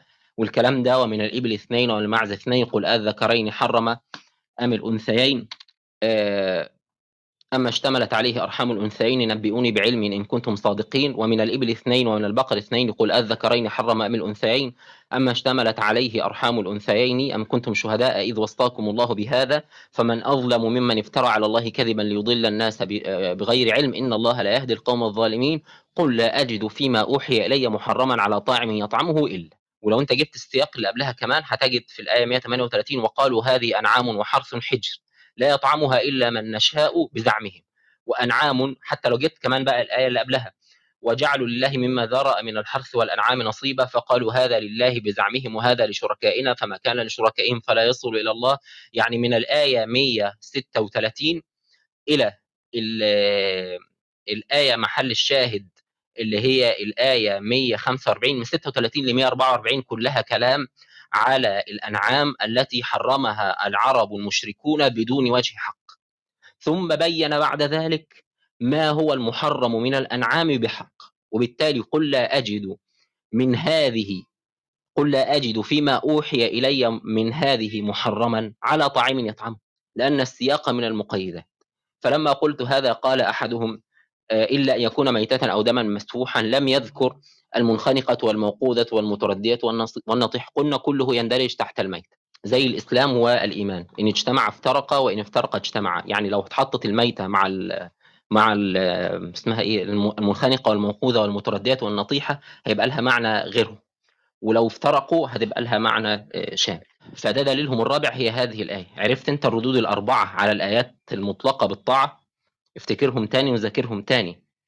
أنه شرك آه، أن القرآن تبيان لكل شيء أنها طاعة كطاعة الرؤساء آه، قل لا أجد فيما أوحي إلي محرما على طعام يطعم. دول الأربع ردود. هم بيلفوا حوالين الأربع ردود دول. افتكرهم تاني عشان يبقى فيه في دماغك خريطة ذهنية. طيب الآن لو النبي صلى الله عليه وسلم أجاب على هذه المعاملة الربوية أجاب بما ليس في القرآن. وإن سكت قصر في البيان وإن أجبت عنه فقد شرعت من الدين ما لم يأذن به الله وأجزت لنفسك ما حرمته على رسول الله. الدليل العاشر قوله صلى الله عليه وسلم صلوا كما رأيتموني أصلي. الآن أنت عندك ثلاث آه، أنواع من الصلاة. أول حاجة الدعاء. لأن الصلاة أصلا في اللغة معناها الدعاء. كما قال النابغة قالت بنيتي وقد يممت مرتحلا يا رب جنب أبي الأوصاب والوجع. عليك مثل الذي صليت فاغتمضي نوما فإن لجنب المرء مضطجعا. فسمى سمى قولها يا ربي سماه دعاء. وحديث سلمان الفارسي رضي الله عنه اللي هو النبي صلى الله عليه وسلم بيقول إذا دعي أحدكم فليجب فإن كان مفطرا فليأكل وإن كان صائما فليصلي. يعني أخوك المسلم لما يدعوك إنك تأكل عنده في بيته لازم تروح. بعد ما تروح لو أنت فاطر كل. لو أنت صايم صلي. صلي يعني ادعي له ادعي له بالخير والبركة. فده أدي شكل من الصلاة وهو الدعاء. في شكل تاني من الصلاة هي صلاة سورة النساء. صلاة سورة النساء اللي هي آه بتاعة صلاة صلاة الخوف اللي هي بتقول وإذا كنت فيهم فأقمت لهم الصلاة فلتقم طائفة منهم معك وليأخذوا أسلحتهم. فإذا سجدوا فليكونوا من ورائكم ولتأتي طائفة أخرى لم يصلوا فليصلوا معك وليأخذوا أسلحتهم. ود الذين كفروا لو تغفلون عن أسلحتكم وأمتعتكم. هذه الصلاة فيها سجود فقط ما فيهاش غير السجود وفيها استعمال سيف استعمال السيف الطائفة الأولى مستعملة السلاح وليأخذوا أسلحتهم والطائفة الثانية مستعملة السلاح هي كمان. ففي الصلاة الأولى اللي هي صلاة الدعاء والصلاة الثانية هي صلاة بالأسلحة وليس فيها سوى السجود. الصلاة الثالثة اللي هي الصلاة اللي النبي صلى الله عليه وسلم كان بيصليها اللي إحنا بنعملها النهاردة دي. فالآن وأقيموا الصلاة. أي أي الثلاثة سنقيم؟ هل آه، هنصلي اللي هو الدعاء ولا هنصلي صلاة سورة النساء ولا هنصلي صلاة النبي صلى الله عليه وسلم؟ قال النبي صلوا كما رأيتموني أصلي. فلولا أنه قال صلوا كما رأيتموني أصلي لطرأت الاحتمالات. قلنا ربما كانت هذه الصلاة مخصوصة له كما قال الله خالصة لك من دون المؤمنين فما أدرانا لعلها مخصوصة له. فأنتم تثبتون قوله صلى الله عليه وسلم صلوا كما رأيتموني أصلي. وليس لكم في إثبات حجية الصلاة التي تعلمناها اليوم إلا بإثبات هذا القول لأنه لو لم يثبت أن النبي صلى الله عليه وسلم أمرهم أن يصلوا مثله لطرأت الاحتمالات الثلاث. فدل هذا على أنكم تقولون بصحة هذا الحديث سواء إسنادا أو معنى. دل هذا على أنكم تعترفون أن رسول الله لو في صوت تكتبوا لي يا جماعة. دل هذا على أنكم تعترفون أن رسول الله صلى الله عليه وسلم أمر الناس أن يصلوا مثله. وهذا قول وليس بفعل. فإن قلتم بأن السنة العملية حجة قلنا هذه ليست سنة عملية هذا قول. صلوا كما رأيتموني أصلي قول. في صوت يا جماعة؟ لو في صوت اكتبوا لي الله يحفظكم. تمام. آه بالإضافة إلى أن آه اعترافك بحجية السنة العملية هذا يعني أنك تعترف بأن هناك دين لله ليس موجودا في القرآن وده الدليل الجديد. بما أنك اعترفت أن هناك أشياء من دين الله ليست موجودة في القرآن فأنت ملزم ملزم بما بعده. فأنت اعترفت بحجية المواقيت الصلاة الخمس مواقيت الصلاة الصلوات الخمس وهي مش مذكورة في القرآن. واعترفت بطريقة الصلاة وطريقة الصلاة مش موجودة في القرآن. واعترفت بالأذان والأذان مش موجود في القرآن. واعترفت بالحج الحج أشهر معلومات وهو مش موجود في القرآن. فإذا أفضتم من عرفات اعترفت بوقت الإفاضة وهو مش موجود في القرآن واعترفت بمكان المشعر الحرام عند المشعر الحرام ومكان المشعر الحرام وما هو المشعر الحرام أنت ما تعرفوش مش موجود في القرآن. والأشهر الحرم مش موجودة في القرآن وربنا بيقول الشهر الحرام بالشهر الحرام وأنت ما أنتش عارف هو إيه الشهر الحرام مش موجود في القرآن. وعدد أيام الحج اعترفت بها وهي مش موجودة في القرآن. واذكروا الله في أيام معدودات. كل ده انت واخده من السنة وانت بتقول هذه هي السنة العملية. اذا أجزت لرسول الله أن يتكلم في دين الله وأجزت أن يؤخذ دين الله من خارج القرآن. فإن أجزت أن يؤخذ دين الله من خارج القرآن لا يخلو إما أن يكون إعلام رسول الله إيانا مواقيت الصلوات الخمس بوحي من الله أو من عند نفسه. فإن قلت من عند نفسه كفرت لأنه شرع من الدين ما لم يأذن به الله. وإن قلت من عند الله قلنا إذا أوحى الله لرسوله بدين خارج القرآن متعلق بعبادة كما وطريقة الصلاة. لا يخلو إما أن رسول الله كان يصلي هذه الطريقة من عند نفسه أو أن الله أوحى بها إليه. فإن قلت بالثانية بالأولى كفرت فلم يبق لك إلا أن تقول هو وحي من خارج القرآن متعلق بعبادة. والأذان لا يخلو إما أنه اخترعه من عند نفسه أو أنه من دين الله فإن قلت الأولى كفرت فلم يبق لك إلا أن تقول أوحى الله له بها. ونفس الكلام أشهر الحج والإفاضة والمشعر الحرام والشهر الحرام وعدد أيام الحج. دل هذا على أنك تعترف بأن لله في أرضه دين ليس في القرآن. الآن من أين علمت مواقيت الصلاة وطريقة الصلاة والأذان وأشهر الحج ووقت الإفاضة ومكان المشعر الحرام والشهر الحرام وعدد أيام الحج. إن قلت بالتواتر قلنا ما الدليل على أن الشهر الحرام علم بالتواتر جيلا عن جيل. إن قلت لم يزل هذا عمل الأمة منذ أولها قلنا وكذا لم يزل عمل الأمة منذ أولها أنهم كانوا يقولون قال رسول الله قال رسول الله. دل هذا على أن النبي صلى الله عليه وسلم قد أجمعت الأمة على أن رسول الله كان يقعد ويتكلم في دين الله كلاما ليس بسنة عملية وليس بقرآن. فعدد الأحاديث القولية التي نقلت في كتب الحديث وعلى لسان المسلمين ضخم جدا لدرجة التواتر التي تثبت أن رسول الله كان يقعد ويتكلم في الدين بكلام ليس بسنة عملية وبالإضافة إلى السنة العملية للمسلمين. فالمسلمون, فالمسلمون منذ آه، بدايتهم وهم يقولون بحرمة أكل لحم الكلاب. وبحرمة أكل لحم الحمير. لم يأكل المسلمون أبدا لحوم الكلاب ولا لحوم الحمير. فقد أجمعوا على هذا كما أجمعوا على طريقة الصلاة وكما أجمعوا على مواقيت الصلوات وكما أجمعوا على مكان المشعر الحرام وكما أجمعوا على آه، مكان الإفاضة أفيضوا من حيث أفاض الناس وكما أجمعوا على عدد أيام الحج. فإن قلت نقبل إجماعاتهم تلك لكونها عملية قلنا يلزمك قبول إجماعهم ذلك لكونه عملي فإن قلت ليس له أصل في القرآن قلنا بل له أصل في القرآن ألا وهو حفظ النفس. فإن القرآن قد امتلأت جوانبه بما يحفظ النفس وهذا من حفظ النفس. وامتلأ القرآن بالكلام على محرمات المطعومات وهذه من المطعومات. ولا من ولا آه، محتج لكم بآية قل لا أجد فقد أجبت عليها منذ قليل. آه، وأيضا آه، حرمة لبس الحرير ولبس الذهب. لم يزل المسلمون مجمعون منذ بدايتهم على العمل بعدم ارتدى الرجال الذهب والحرير. بنفس الإجماع العملي على عدد على ماهية أشهر الحج وبنفس الإجماع العملي على الأذان وبنفس الإجماع العملي على وقت الإفاضة من عرفات وبنفس الإجماع العملي على تعريف الأشهر الحرم وبنفس الإجماع العملي على تعريف مكان المشعر الحرام وبنفس الإجماع العملي على تعريف مكان الإفاضة من حيث أفاض الناس وبنفس الإجماع العملي على تحديد عدد أيام الحج. أجمعوا كلهم على العمل بحرمة لبس الذهب والحرير. ومن خالف في هذا خالف خلافا شاذا لا يخرق الإجماع أو على الأقل التواتر اللي هو عدد تقوم به الحجة آه، ويندفع بها الكذب والخطأ. وهذا ليس مذكورا في القرآن. آه، نجيب إيه تاني مثلا؟ مثال لسنن عملية غير مذكورة في القرآن مثلا. كتير. فإن قلت نأخذ من السنة ما عمل به المسلمون لازمك أن تأخذ أغلب ما جاء في السنة النبوية صلى الله آه، المطهرة من جهة العمل. لأن أغلب السنة النبوية من جهة العمل كلها مطبقة عند المسلمين منذ البداية. فكروني كده يا جماعة بسنن تانية. آه الختان.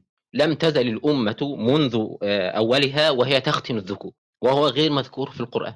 فلزمك بهذا إن أذنت أو إن أجزت السنة العملية حجية السنة العملية في حالة أن تقبل حجية السنة العملية في باقي الحالات.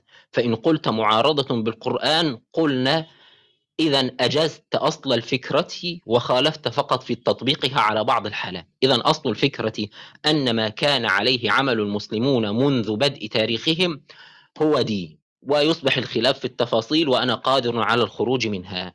ثم إن كان تجوز السنة العملية فلماذا لا تجوز السنة القولية؟ لن يجدوا على هذا ردا.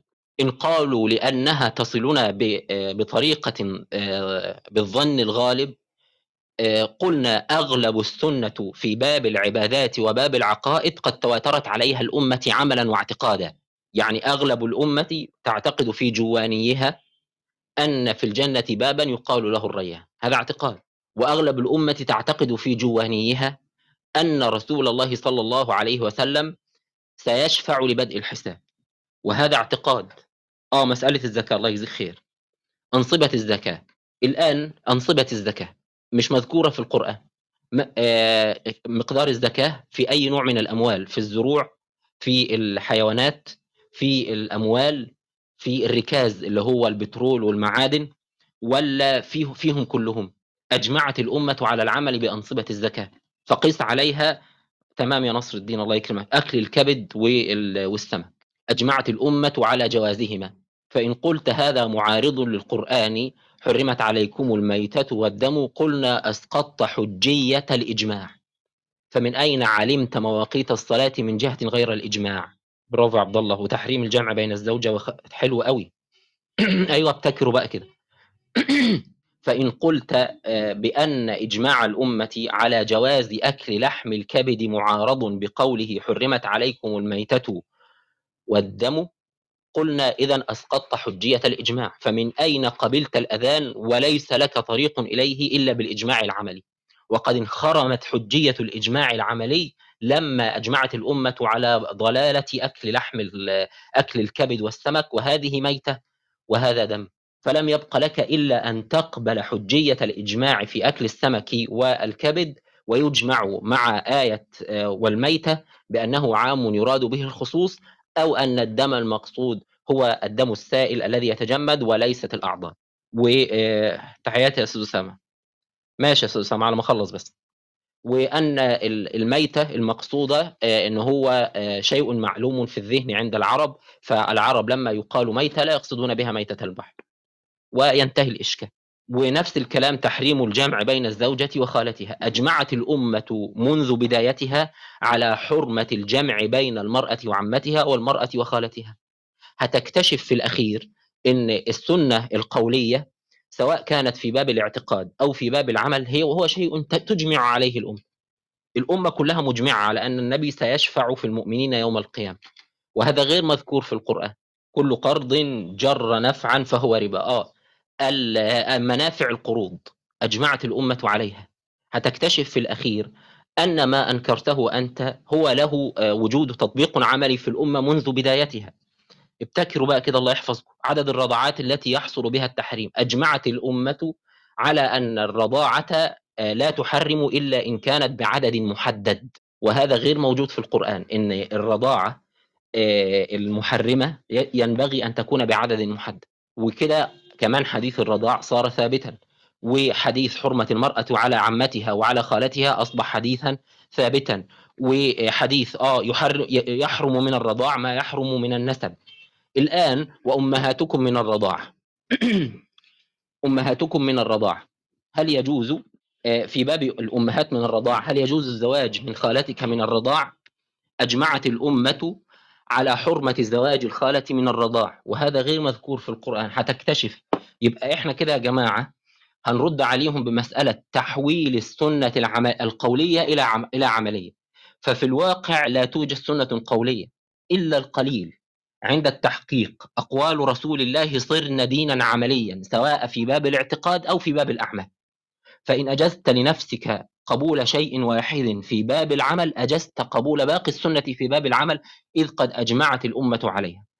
ولن تجد لهذا مدفعا إلا التشغيب ببعض الاستثناءات التي عارضت في بعض المسائل الفقهية. ووقتها نقول بأن هذا لا ينخرم به الإجماع بمعنى لا ينخرم به أن الأمر قد أجمع عليه عدد يستحيل أن يتفقوا على كذب أو على خطأ أو على نسيان أخو العدد الذي أجمع على الأذى. وزي مثلا تنجس الماء الكثير الذي فوق القلتين بغير النجاسة. الأمة كلها مجمعة على أن الماء لا يتنجس إن كان كثيرا. وده حديث. فصار عملا. وهكذا. عاوزكم بقى تبدعوا يا جماعة كده في استحضار النماذج وحطها في دماغك. لما يجي يقول لك إحنا بنقبل السنة العملية قول له بس كده. هات لي يا ابني مكنة تحويل السنة إلى عملية. ده كل السنة إحنا نقدر نحولها عملية أصلا.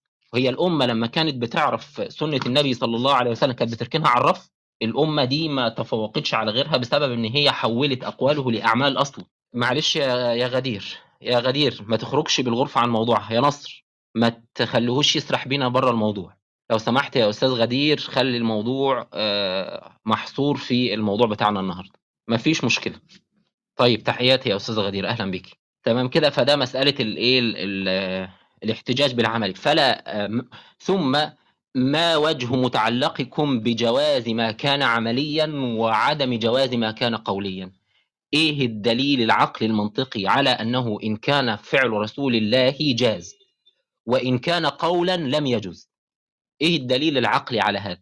إن قلتم لأن أقوال النبي تصلنا بطريق الظن أما أفعاله فتصلنا بدليل اليقين قلنا هذا لم ينفي أنه تكلم في الدين ولم ينفي أن كلامه في الدين ضروري لنجاتنا إنما نفى أن كلامه الضروري في الدين لم يبلغنا بطريق موثوق فيه وهذا طعن في الله فإن جاز لرسول الله أن يتكلم في الدين كلاما مهما إذا يجب أن يوفر الإله الطريقة المثلى لكي يصلنا به فإن قلت هذا دليل ضدكم لكونها لا تتوفر.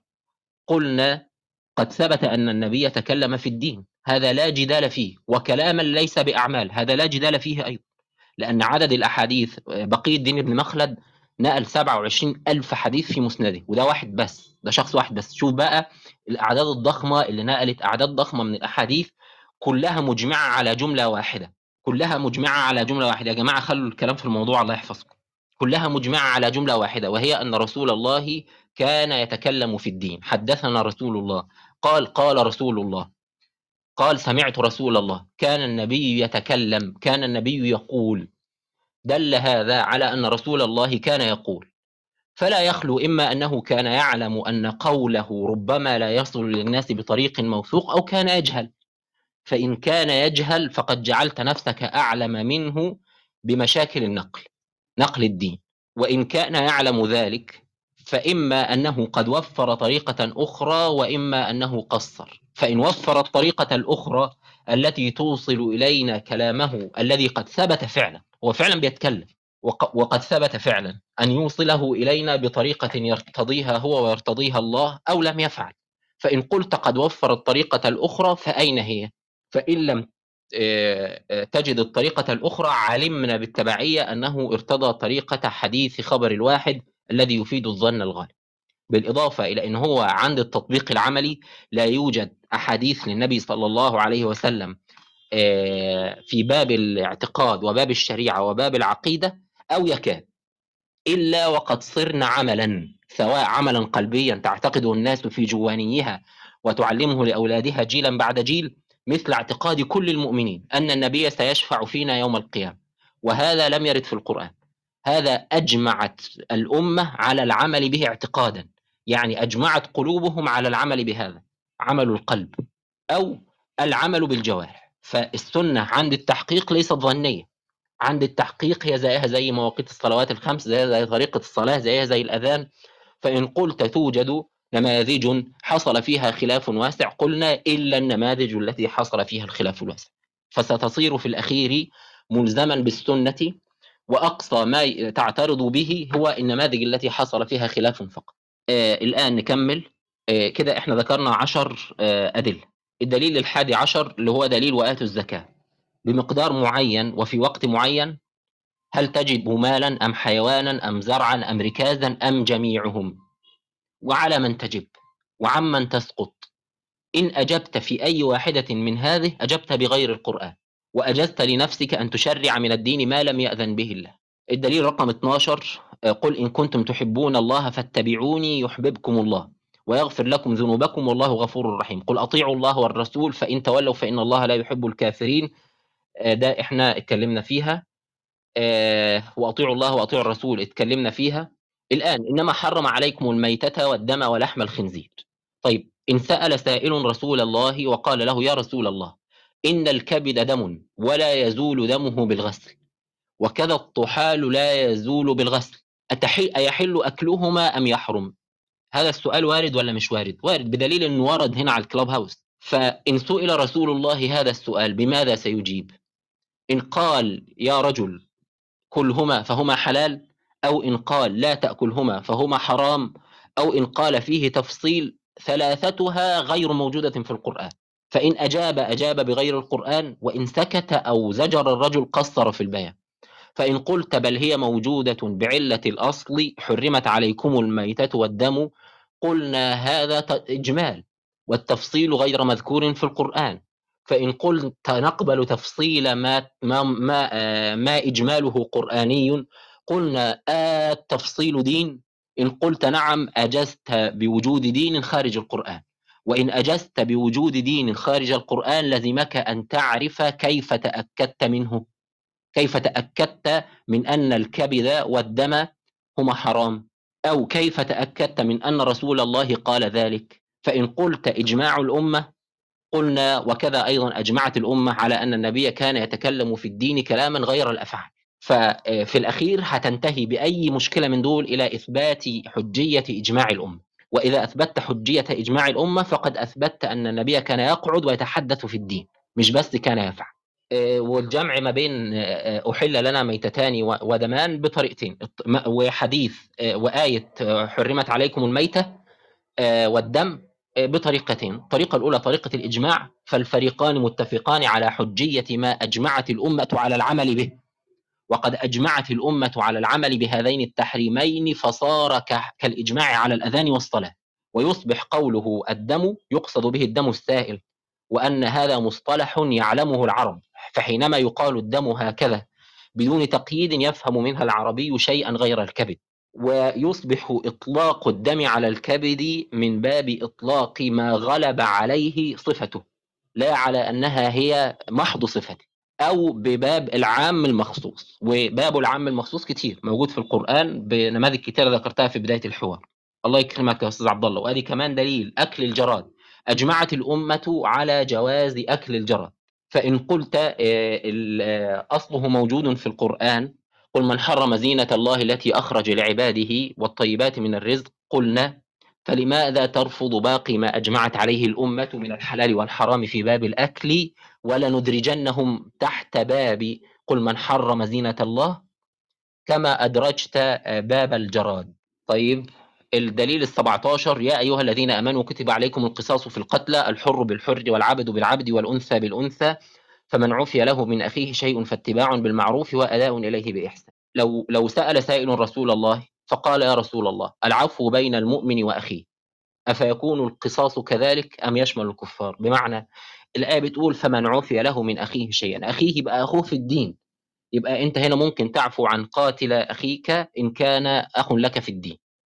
يعني أنت ولي الدم ينفع تعفو عن المسلم الذي قتل صاحبك المسلم الذي أنت وليه ينفع. طيب هل هذا يشمل الكفار أيضا؟ يعني فمن عفي له من أخيه شيء فاتباع بالمعروف وأداء إليه بإحسان. يعني يجوز إسقاط الدية عن الكافر أيضا؟ يعني لو واحد كافر قتل مؤمنا حلو هل يجوز أخذ أخذ الدية منه؟ طيب هل يجوز إسقاطها بدليل قوله فمن عفي له من أخيه شيء؟ ده سؤاله جاوبونا عليه. لو أن سائلا سأل رسول الله رسول الله صلى الله عليه وسلم ذلك السؤال. بماذا سيجيب؟ أي إجابة تعني حجية السنة فورا. إن قلت يجوز فهو أخ لك آه، آه، في آه، إن قلت يجوز فده إجابة وإن قلت لا يجوز ده إجابة. وإن سكت قصر في البيان وإن أجبت أنت عنه فقد أثبتت الحاجة لغير القرآن وشرعت في الدين ما لم يأذن به الله. يعني لو قال شخص أن كلمة أخ تأتي بمعنى صاحب مثلا. إن كلمة أخ تأتي بمعنى صاحب فمن عفي له من أخيه شيء فاتباع فمن عفي إليه فمن عفي له من صاحبه شيء فاتباع إليه فاتباع بالمعروف وأداء إليه بإحسان. قلنا هذا لو سلمنا بصحته لغة وشرعا. فهذا جواب هذا جواب. دل هذا على أننا نحتاج إلى من يجيبنا في دين الله.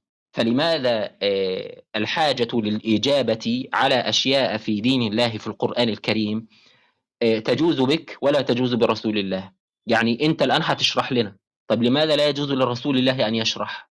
دل هذا على جواز أن يشرح رسول الله. طب الآن هذا الأمر ضروري لفهم الآية ولا مش ضروري؟ ضروري. الآن لو أنا شخص عندي اضطراب في لفظة أخيه من يبينها لي؟ إن بينتها أنت لي واعتبرت بيانك واجبا وضروريا لأن فهم الآية ضروري. فبما أن فهم الآية ضروري إذا إزالة المشكل في الفهم عنها ضروري. دل هذا على ضرورة الأخذ بشرحك لأن ما لا يتم الواجب إلا به فهو واجب. فلماذا يجوز لك أن تشرح بل يجب عليك؟ ويجب علينا أخذ شرحك لأنه الحق ولا يجب على رسول الله أن يشرح بل ويحرم عليه أن يشرح. فإن أجبت بأي إجابة فقد أجزت لنفسك ما حرمته على رسول الله. فصار بهذا آه، ثبت بهذا أن المؤمنين أن المؤمنين لهم أسئلة. ويجب البيان.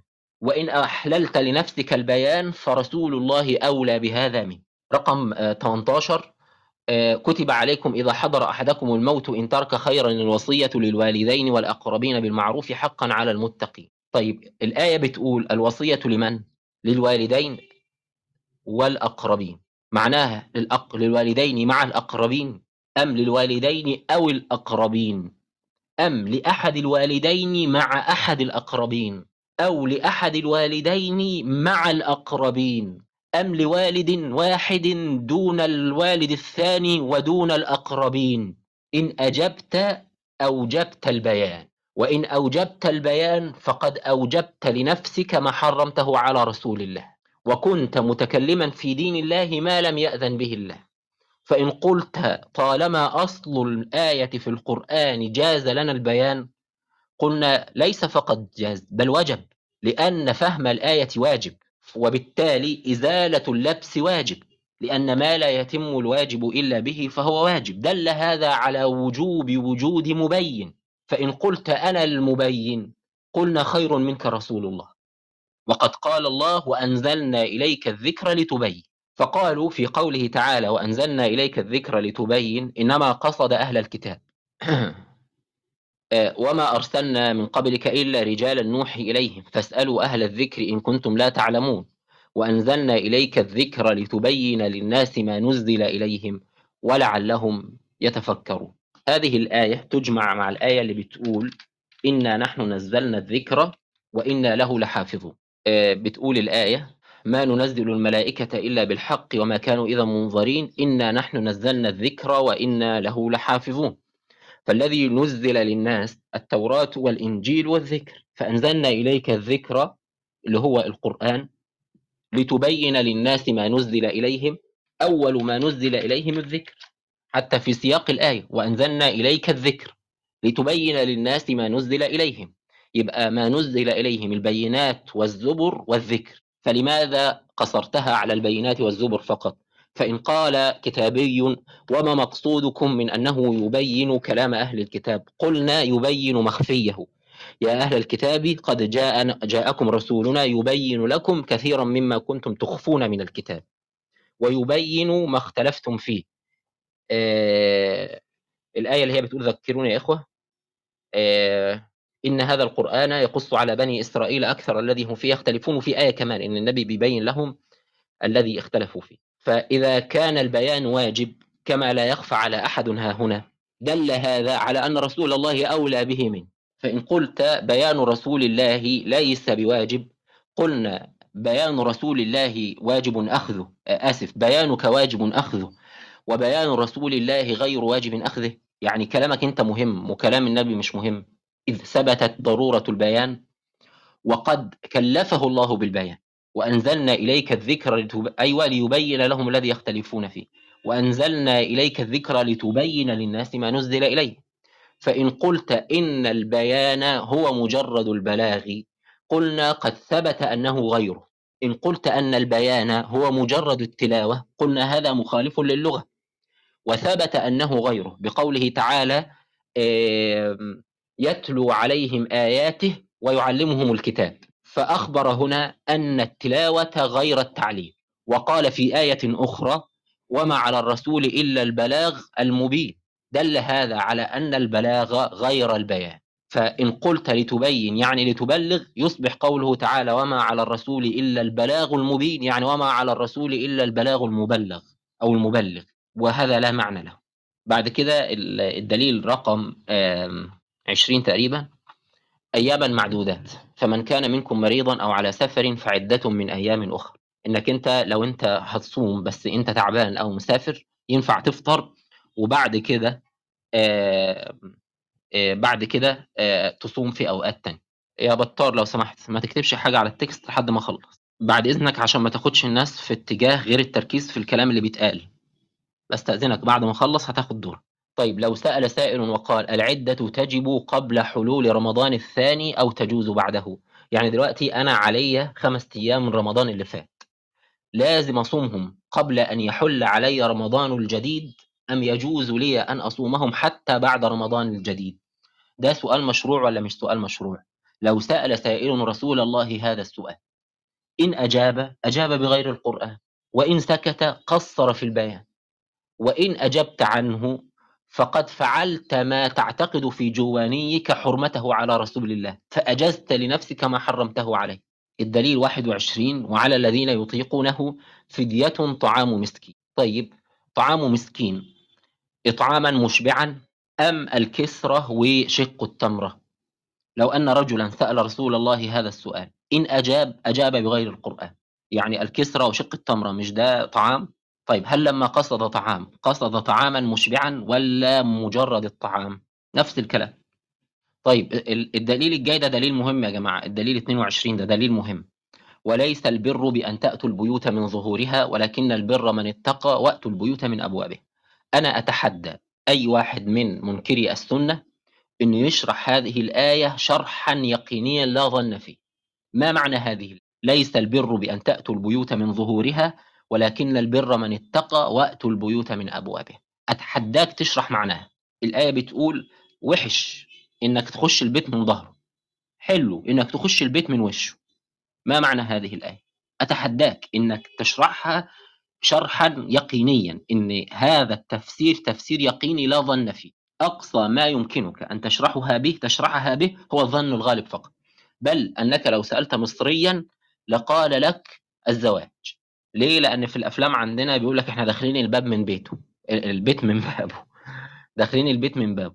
فلأن الأفلام عندنا في مصر بتقول إحنا بندخل البيت من بابه يبقى الآية بتتكلم عن الجواز. لو سألت واحد مصر هيجاوبك بكده. ليه تاثرا بالأفلام؟ ما معنى هذه الآية؟ هل تستطيع أن تشرحها شرحا قاطعا؟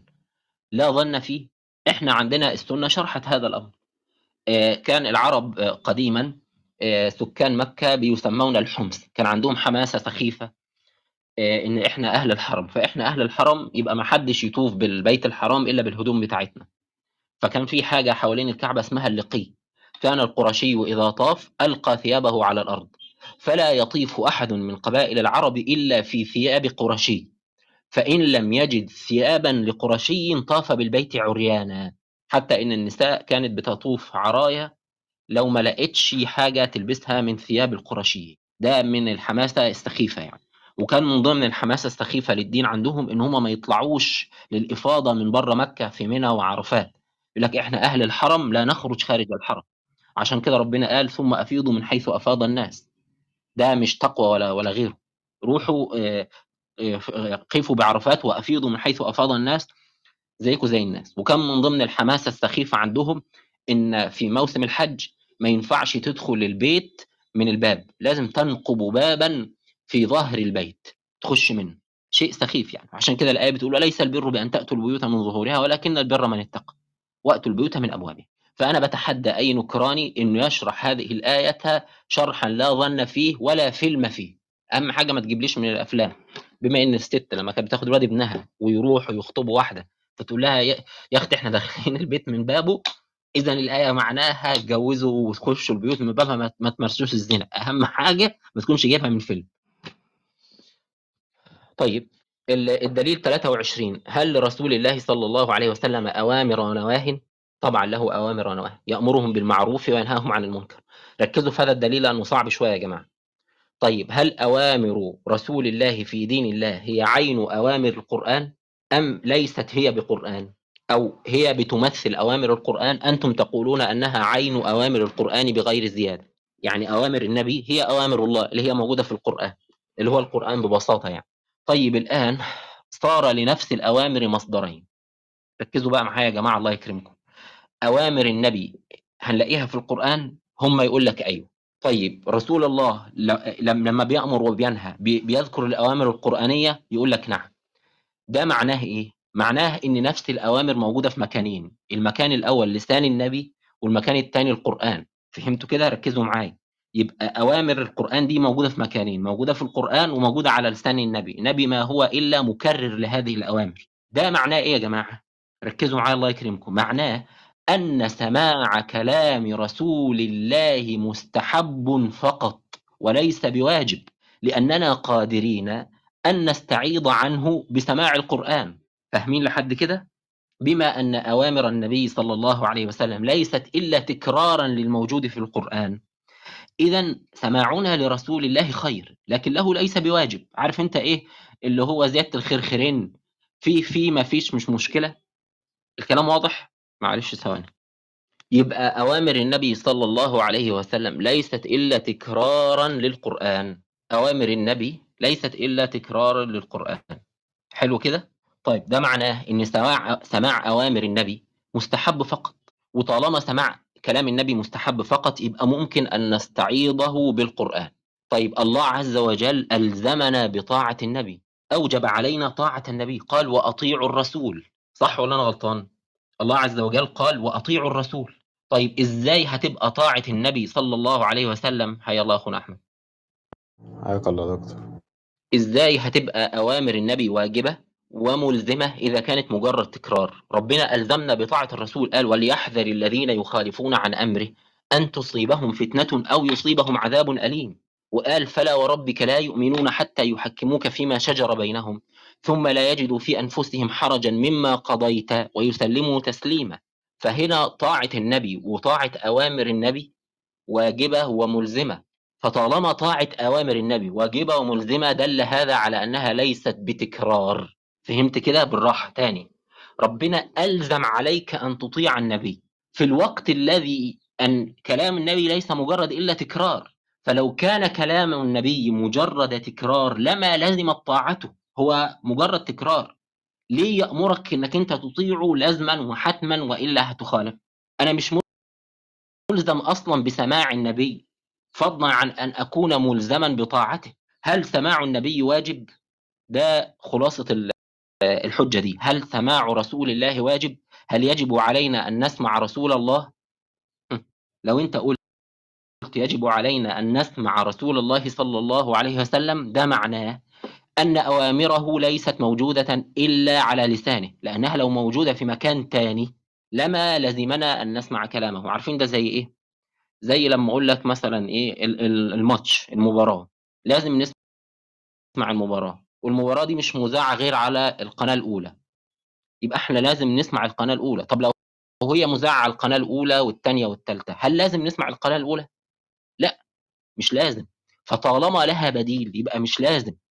فإذا كان كلام النبي صلى الله عليه وسلم يمكن وجوده في مصدر آخر ألا وهو القرآن يبقى سماع النبي ليس بلازم. مش لازم نسمع النبي. فلماذا أوجب علينا طاعة من لا تلزم يلزم سماعه أصلا. إحنا مش ملزمين بسماعه أصلا. فضلا على إن إحنا نكون ملزمين بطاعته.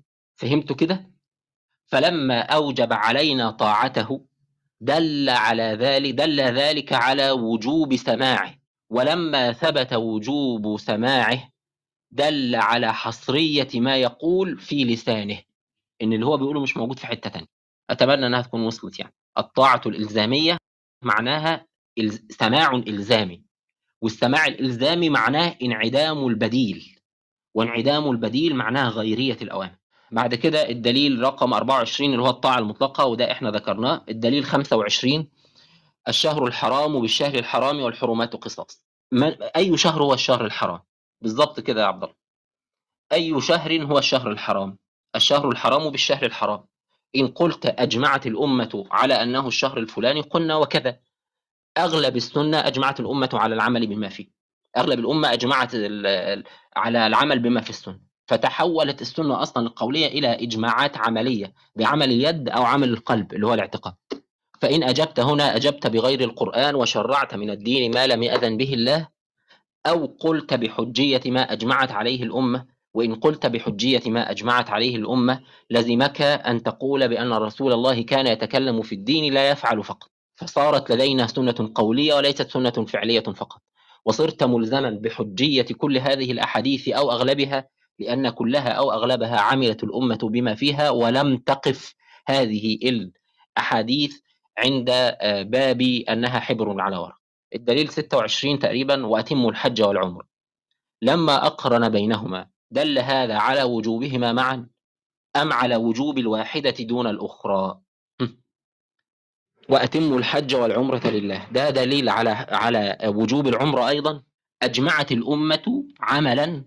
العمل اللي أجمعت عليه الأمة في خلاف بين بعض الفقهاء لكن العمل عمليا أجمعت الأمة على عدم وجوب العمر وأنت قلت بحجية العمل الذي تجمع عليه الأمة.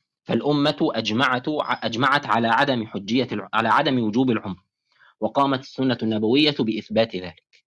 فإن أثبتت ذلك أثبتت إجماع حجية إجماع الأمة فبالتالي أثبتت الأحاديث أو الأدلة اللي موجودة في السنة اللي بتقول بعدم حجية بعدم وجوب العمر.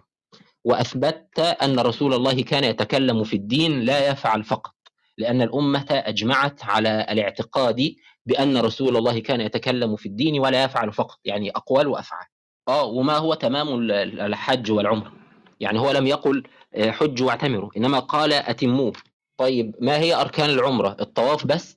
ربنا في القرآن ذكر الحج ذكر كيف تحج لكن لم يقل لم يذكر كيف آه، تعتمر. فقط أتم الحج والعمرة لله.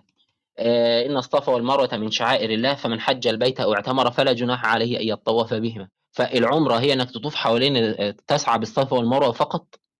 إن قلت بهذا خالفت الإجماع العملية للأمة وناقضت نفسك. فلم يبق لك إلا أن تقول بل العمرة كالحج إلا في بعض التفاصيل لأن الأمة أجمعت على ذلك. قلنا وإن الأمة عندنا لم تجمع على ذلك إلا لما أخبرها رسول الله بذلك وإلا لما عمل به. وطالما أنت آه، استجزت الأمة وعملها كحجة فقد أجمعت الأمة على الاعتقاد بأن رسول الله كان يعمل في الدين ويتكلم في الدين ليس فقط يفعل. وقد آه، آه، كمان خلاص شرعت أو اعترفت بأغلب السنة لأن أغلب السنة تحول إلى أعمال القلب وإلى أعمال في الجوارح أجمعت عليها الأمة.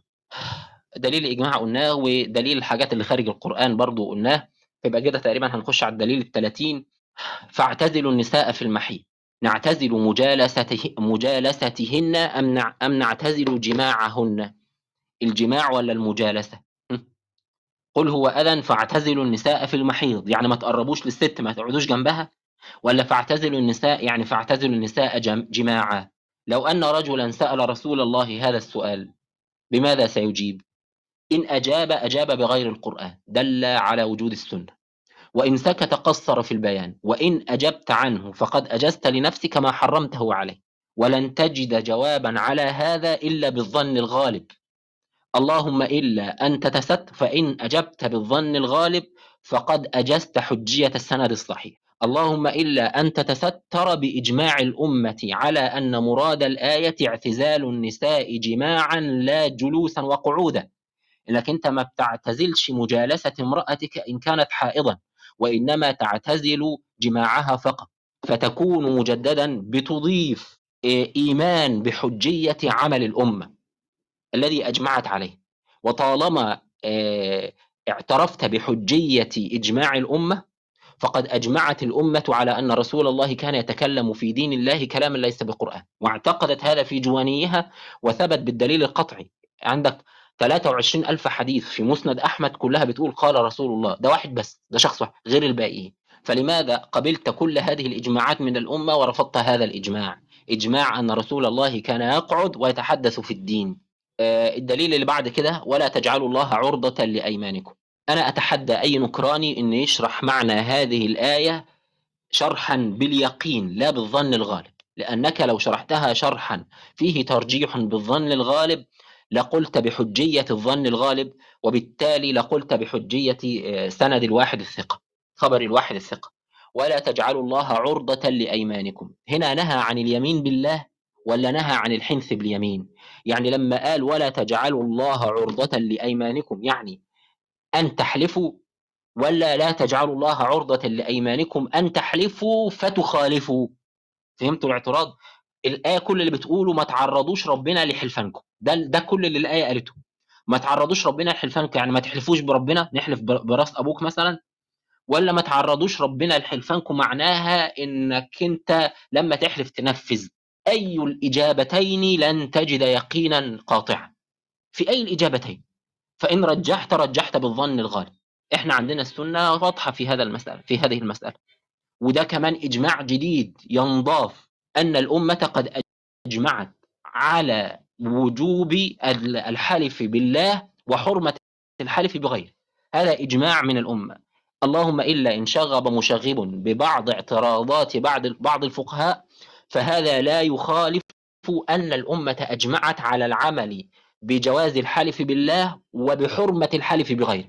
ده زي بالضبط الإجماع على الصلاة زي بالضبط الإجماع على مقادير الزكاة. زي بالضبط الإجماع على الشهر الحرام زي زي بالضبط على إجماع على مكان الحج زي بالضبط الإجماع على طرق طريقة الصلاة بحيث أن لو خالف مخالف ما نقض هذا أنه قد اجتمع على جواز الحلف بالله وحرمة الحلف بغيره عدد يستحيل عليه الكذب أو الخطأ أو النسيان ممن تقوم بمثلهم الحج. الدليل بقى 34 ولا 35 مش عارف للذين يؤلون من نسائهم تربص أربعة أشهر. الإيلاء في اللغة معناه الحلف إنك تحلف. طيب الآية بتقول للذين يحلفون من نسائهم ما معناها؟ ما معناها؟ للذين يؤلون من نسائهم إيه؟ يحلف أن يطلقها ولا يحلف أن يجامعها ولا إيه؟ ولا ولا الاثنين مع بعض. إن أجبت أي إجابة أجبت بالظن الغالب. وإن أجاب رسول الله على هذا السؤال فقد ثبتت السنة. والمطلقات يتربصن بأنفسهن ثلاثة قروء. ما هو القرء؟ في اللغة القرء هو الحيض وهو الطهر الاثنين معا. في في اللغة يا جماعة حاجة اسمها اللفظ المشترك اللي هو اللفظ اللي ليه المعنى ونقيضه. لفظ له المعنى وله نقيضه. زي مثلا كلمة ظن. ظن في اللغة معناها اليقين ومعناها الشك. في كلام كتير في اللغة بيأتي بمعنى الشيء ونقيض فقروء في اللغة لها المعنى ونقيضه. معناها الحيض ومعناها الطهر. وده هيقودنا للكلام في باب التشريع بالظن الغالب. التشريع بالظن الغالب لأن في بعض الناس بتحتج على مسألة حجية خبر الواحد وده إحنا هنجيله بالتفصيل الممل. أول الأدلة على جواز التشريع بالظن الغالب أنتوا فاهمين يعني إيه الظن الغالب يا جماعة؟ يعني إنك أنت تبقى عارف الحاجة بنسبة 99% ب 90% ب 80% كل الدنيا والآخرة قائمة على جواز العمل بالظن الغالب. كل الدنيا والآخرة وإن شاء الله هبين الموضوع ده بالتفصيل الممل يعني. المطلقات يتربصن بأنفسهن ثلاثة قروء. إن قلت القرء هو الطهر ما أمكنك إثبات ذلك إلا بالظن الغالب. فهذا تشريع بالظن الغالب مش تطبيق تشريع بالظن الغالب. وإن قلت هو حيض ما أمكنك إثبات ذلك إلا بالظن الغالب. فهذا تشريع بالظن الغالب. الدليل الثاني ولا يحل لكم أن تأخذوا في ناس بتقول الاتنين يا دكتور. حتى هذا ظن غالب ما فيش دليل على هذا. يعني أنا لو قلت لحضرتك لا هو الطهر. إيه الدليل القاطع اللي هيخليك تقول أن الصواب هما الاثنين معا لا واحدة دون الأخرى؟ بس يكون قاطع. اتفضل دقيقة واحدة يا أخي. اتفضل مايك معاك. تمام يا دكتور. ممكن تتفضل معانا يا أستاذ أسامة بس بعد ما الدكتور أحمد بس يخلص اللي, اللي عنده. اتفضل معانا فوق عادي الأستاذ أسامة موجود؟ آه أستاذ أسامة موجود. تحياتي يا أستاذ أسامة. هو موجود؟ طلعه. اتفضل يا أستاذ أسامة. طيب السلام عليكم ورحمة الله وبركاته. وعليكم كيف الحال؟ السلام. عليكم السلام. اتفضل أسامة نسمعك اتفضل نعم. والله يا دكتور أنا مش عارف يعني حضرتك قلت كلام كتير جدا وبصراحة كثرة الحديث ينسي بعضه بعضا. ولكن خليني أنا في نقط معينة كده كنت حابب أركز عليها من اللي حضرتك تفضلت بيه. إنه آه، أولا يبدو إن حضرتك آه، دكتور أحمد م- بتتكلم عن فصيل معين ضمن ال- ال- آه، المجموعة التي يطلق عليها آه، من معارضيهم منكري السنة آه، لأن حضرتك كنت بتتكلم آه، مع افتراض أن الطرف المقابل يقبل السنة العملية أصلا ويقبل الإجماع. وهذا غير واقع لأنه في ناس بترفض السنة العملية نفسها في ناس بتعتبر إن ما فيش حاجة اسمها الصلاه الصلاة دي ما يعني زي ما حضرتك قلت ليها معاني منها الدعاء هي آه هي الدعاء. وفي ناس بتعتبرها إن هي من الدين وإن كل اللي عليه الأمة ده ولا ليه أي لازمة ولا آذان ولا بتاع ولا أي حاجة فبس حبيت أنوه لهذا آه، بداية. آه، الموضوع الثاني الأمثلة اللي حضرتك كنت بتضربها آه، وكأن آه، حضرتك عايز تصل إلى نتيجة مسبقة موجودة عند حضرتك إن إحنا بحاجة إلى السنة لمعرفة قضايا معينة. والحقيقة هذا أسمح لي أختلف معاك كليا هذا غير واقع. إزاي؟ إحنا في عندنا مثلا من ضمن الأمثلة اللي حضرتك ضربتها آه، الكبد والط- والطحال والسمك والجراد. طيب إذا اكتفينا بالقرآن وهذا هو ما أنا أقوله من وجهة نظر المخالف يعني أنا ما عنديش مانع في الأحاديث دي ولكن أراها من باب إن هي ليها بديل وهو القرآن وأنا دي النقطة اللي بعديها اللي هتكلم. هو الكبد ده آه، دما مسفوحا ولا ميتة ولا لحم خنزير؟ لا هو دما مسفوحا ولا هو ميتة ولا هو لحم خنزير. تقول لي طب ما في آية قالت الدم الكبد مش دم بمنتهى البساطة. طيب الطحال زيه زي الكبد. طيب السمك طب ما القرآن ربنا قال لي فيه أحل لكم صيد البحر وطعامه. هو هل اللي بيسأل سؤال السمك هنعتبره ميتة ولا ما نعتبروش ميتة؟ متخيل مثلا إن هيتم زراعة السمك في احواض وبعد كده نقله من من البحر أو النهر أو البحيرة. إلى مقاصد جديدة أو مجازر جديدة نعملها علشان ذبح السمك مثلا؟ ويقف بقى الجزارين بسم الله الله أكبر على كل سمكة. السمك بيتاكل بالصيد بالصيد مش بالذبح. ف فكرة إنه حد يطرح سؤال علشان متخيل إن هو هيعجز اللي قدامه هذه الفكرة خاطئة لأن إجابات الطرف الآخر أمامك غير محصورة في افتراضاتك غير محصورة فيما تفترضه أنت. ممكن يجاوب عليك جواب مش من الأجوبة اللي حضرتك طرحتها. وبالتالي محاولة المصادرة على مش بس الرأي الآخر لا ده اعتبار إن إن إن المقابل بيقول الكلام ده ده ده الكلام ده مش حقيقي. فكرة الإقرار مثلا بتحريم آه، لحم الحمير أو بتحريم أن أن يجمع الرجل بين المرأة وعمتها والمرأة وخالتها أو بتحريم الذهب والفضة ع- وال- والحرير على الرجال. أنا يعني أنا أنا ضد الكلام ده. أنا صراحة أنا أرفض هذه الروايات. مش برفض الروايات أنا أرفض أن يكون ما جاء فيها تشريعا. لأن ما جاء فيها اولا اولا إن كان تشريعا والتشريع الفقهي المعمول به الآن استنادا إلى هذه الروايات هو مناقض للقرآن. مع إن الرواية نفسها مش مناقضة للقرآن في أول حالتين اللي هي آه النهي عن تناول الحمر الأهلية. لم تأتي بلفظ التحريم وكان ذلك في موقف معين في غزوة خيبر